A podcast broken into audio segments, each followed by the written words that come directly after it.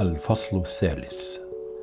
كانت والدتي لم تبلغ الخامسة والعشرين من عمرها بعد عندما مات والدي في مدينة غراتس بالنمسا. إنني ما زلت حتى الآن أتذكر يوم وصل إلينا نعي والدي الحبيب ثم أيام الحزن العميق التي اجتزناها والسنين المدلهمة الطويلة التي جلل فيها السواد كل أثاث المنزل ورياشه لقد وقع الخبر مثل الصاعقة على رأس والدتي وما زلت أذكر صورتها وهي طريحة الفراش يعودها الأطباء من آن لآخر وكانوا يأخذونني أنا وأخي فنقف بجانب فراشها. وإذ ذاك تنظر إلينا بحزن ثم تخنقها العبرات وتدس رأسها تحت الغطاء وهي تقول ابعدوا الطفلين عني. وعندما كنا نذهب إلى الغرفة المجاورة عند والدة أخي إسماعيل التي كنا نناديها باسم ماما الكبيرة. كنا نشاهد منظرا أقسى لشابة أخرى فقدت ابنها قبل وفاة زوجها ففقدت كل أمل في الحياة ومرضت مرضا ألزمها الفراش طوال السنوات الثمان التي عاشتها بعد ولدها وعندما كان يلح عليها من حولها لترك الفراش وترييض جسمها كانت تذعن في النهاية تحت إلحاحهم فتتمشى من غرفة إلى أخرى. وكنا نفرح لذلك كثيرا ونجري أمامها مهللين مصفقين فتعلو شفتيها القرمزيتين بفعل الحمى ابتسامة باهتة واهنة ممزوجة بالأحزان التي تنبع من أعماق قلبها. كنت أحب هذه السيدة حبا عظيما. وكانت تبادلني الحب وتعطف علي وكانت هي الوحيدة التي تجاذبني الحديث بصراحة في مختلف الأمور والشؤون. وقد لاحظت ما كنت أحاول أن أخفيه من آلام نفسية بسبب تفضيل أخي علي سواء من جانب والدتي أو أهل البيت جميعا فكانت تحاول أن تقنعني بأن هذا ليس تفضيلا. ولكن لأن الولد هو الذي يحمل اسم الأسرة وهو الذي يحمل مسؤوليتها وكان بيتنا مفتوحا لكل زائرة ولكل قاصد. ذلك أن والدتي كانت خيرة وديمقراطية ولذلك كان منزلها لا يكاد يخلو من الضيوف يوما واحدا.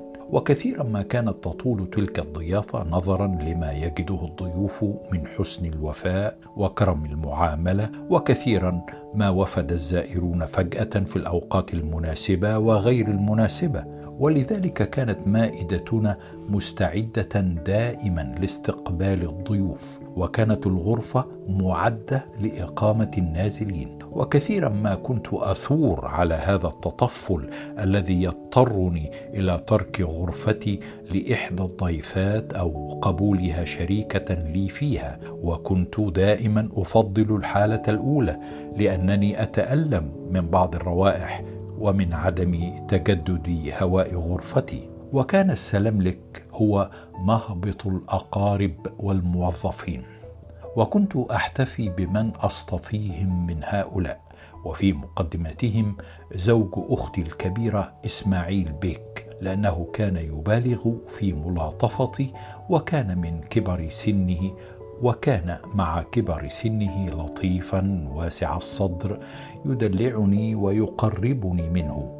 كذلك كنت أؤثر من اقاربي أحمد حجازي ابن عم والدي الذي كان كثير الاهتمام بأمري وكان يحدثني عن أبي ويقص علي بعض صفاته وتاريخه. كذلك كنت أفرح لمجيء أحمد بيك مرزوق لأنه كان مرحا خفيف الروح وكان يملأ البيت سرورا بفكاهاته وصوته العالي. وعندما كان يحضر علي بيك شعراوي الوصي علينا وناظر أوقاف والدي كانوا يأخذونني أنا وأخي للسلام عليه وبعد ذلك كنت أتحاشى الذهاب إلى السلملك لأنه لم يكن يلتفت إلي على الإطلاق وكان يوجه كل حديثه واهتمامه إلى شقيقي الذي كان يحبه حبا جما. وكان منزلنا يتخذ شكلا غير مألوف طوال مدة إقامته بسبب الخوف الذي كان يستولي على الخدم وعلى الأقارب والزائرين. ومن الزائرين الذين كنا ننتظر قدومهم بلهفة وشوق جدتي وأخوالي وكانوا يأتون من تركيا كل سنة أو سنتين تقريبا لزيارتنا ويغمروننا بهداياهم الكثيرة التي كانت تزيد على حاجتنا فنهدي منها للجيران والأصدقاء. كانت جدتي على خلاف والدتي قصيرة القامة ليست بالبدينة أو النحيفة.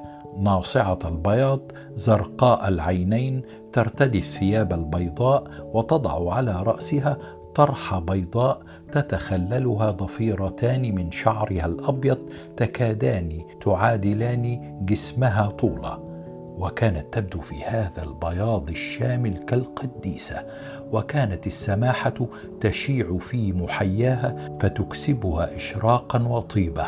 ولقد أحببت جدتي كثيرا وإن كنت لم أستطع التفاهم معها إلا بالإشارة لجهل كل واحدة منا بلغه الأخرى.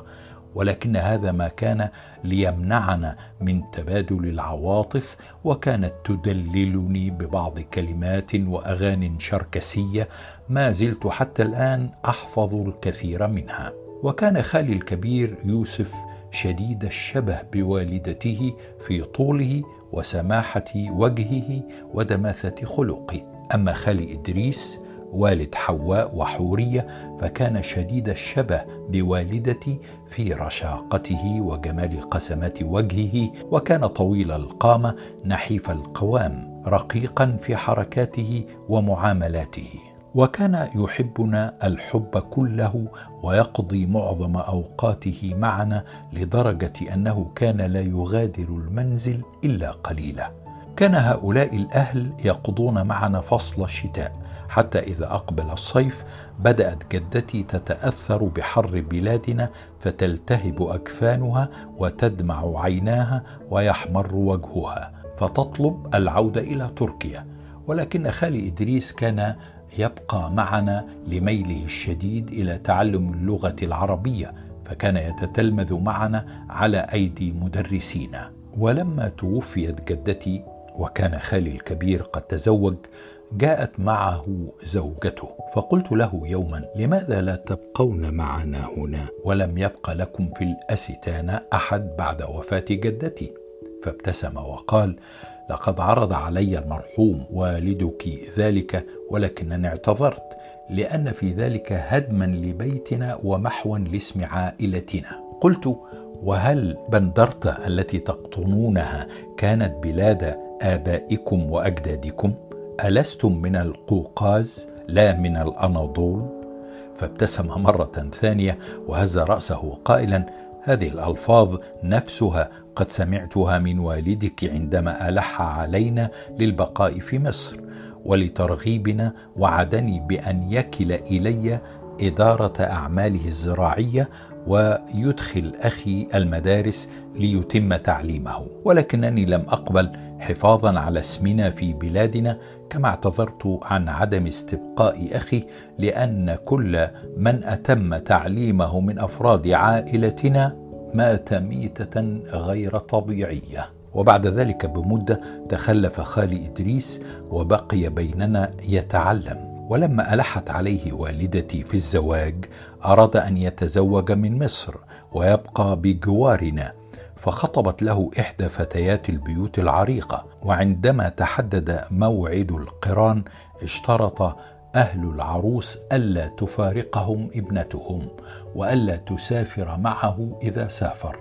ورفض هو هذا الشرط قائلا إن الزوجة لابد أن تتبع زوجها في حياته وتنقلاته. وسافر إلى بلاده وتزوج هناك وأنجب ابنتيه حواء وحورية. وذات يوم دعي هو وأخوه مع أهل القرية لحضور فرح في قرية مجاورة. وكانت العادة هناك أن يركب المدعوون عربات تجرها الثيران وطلب خالي الكبير من أخيه أن يصحبه في هذه العربات ولكنه اعتذر لوجود ضيوف عنده. ووعد بأن يلحق به على ظهر جواده الجديد السريع. وكان الجواد قويا فجمح به أثناء الطريق وصدمه مقدم السرج في صدره فسقط من فوق الجواد ميتا. وانقلبت الأفراح أطراحا. وتحقق بذلك اعتقاد خالي الخبير بأن من يتم تعليمه من أفراد الأسرة يموت ميتة غير طبيعية. وهكذا قضى خالي المسكين تاركا طفلتيه الصغيرتين حواء وحورية وكبراهما لم تبلغ الثانية بينما الصغرى ما زالت رضيعة.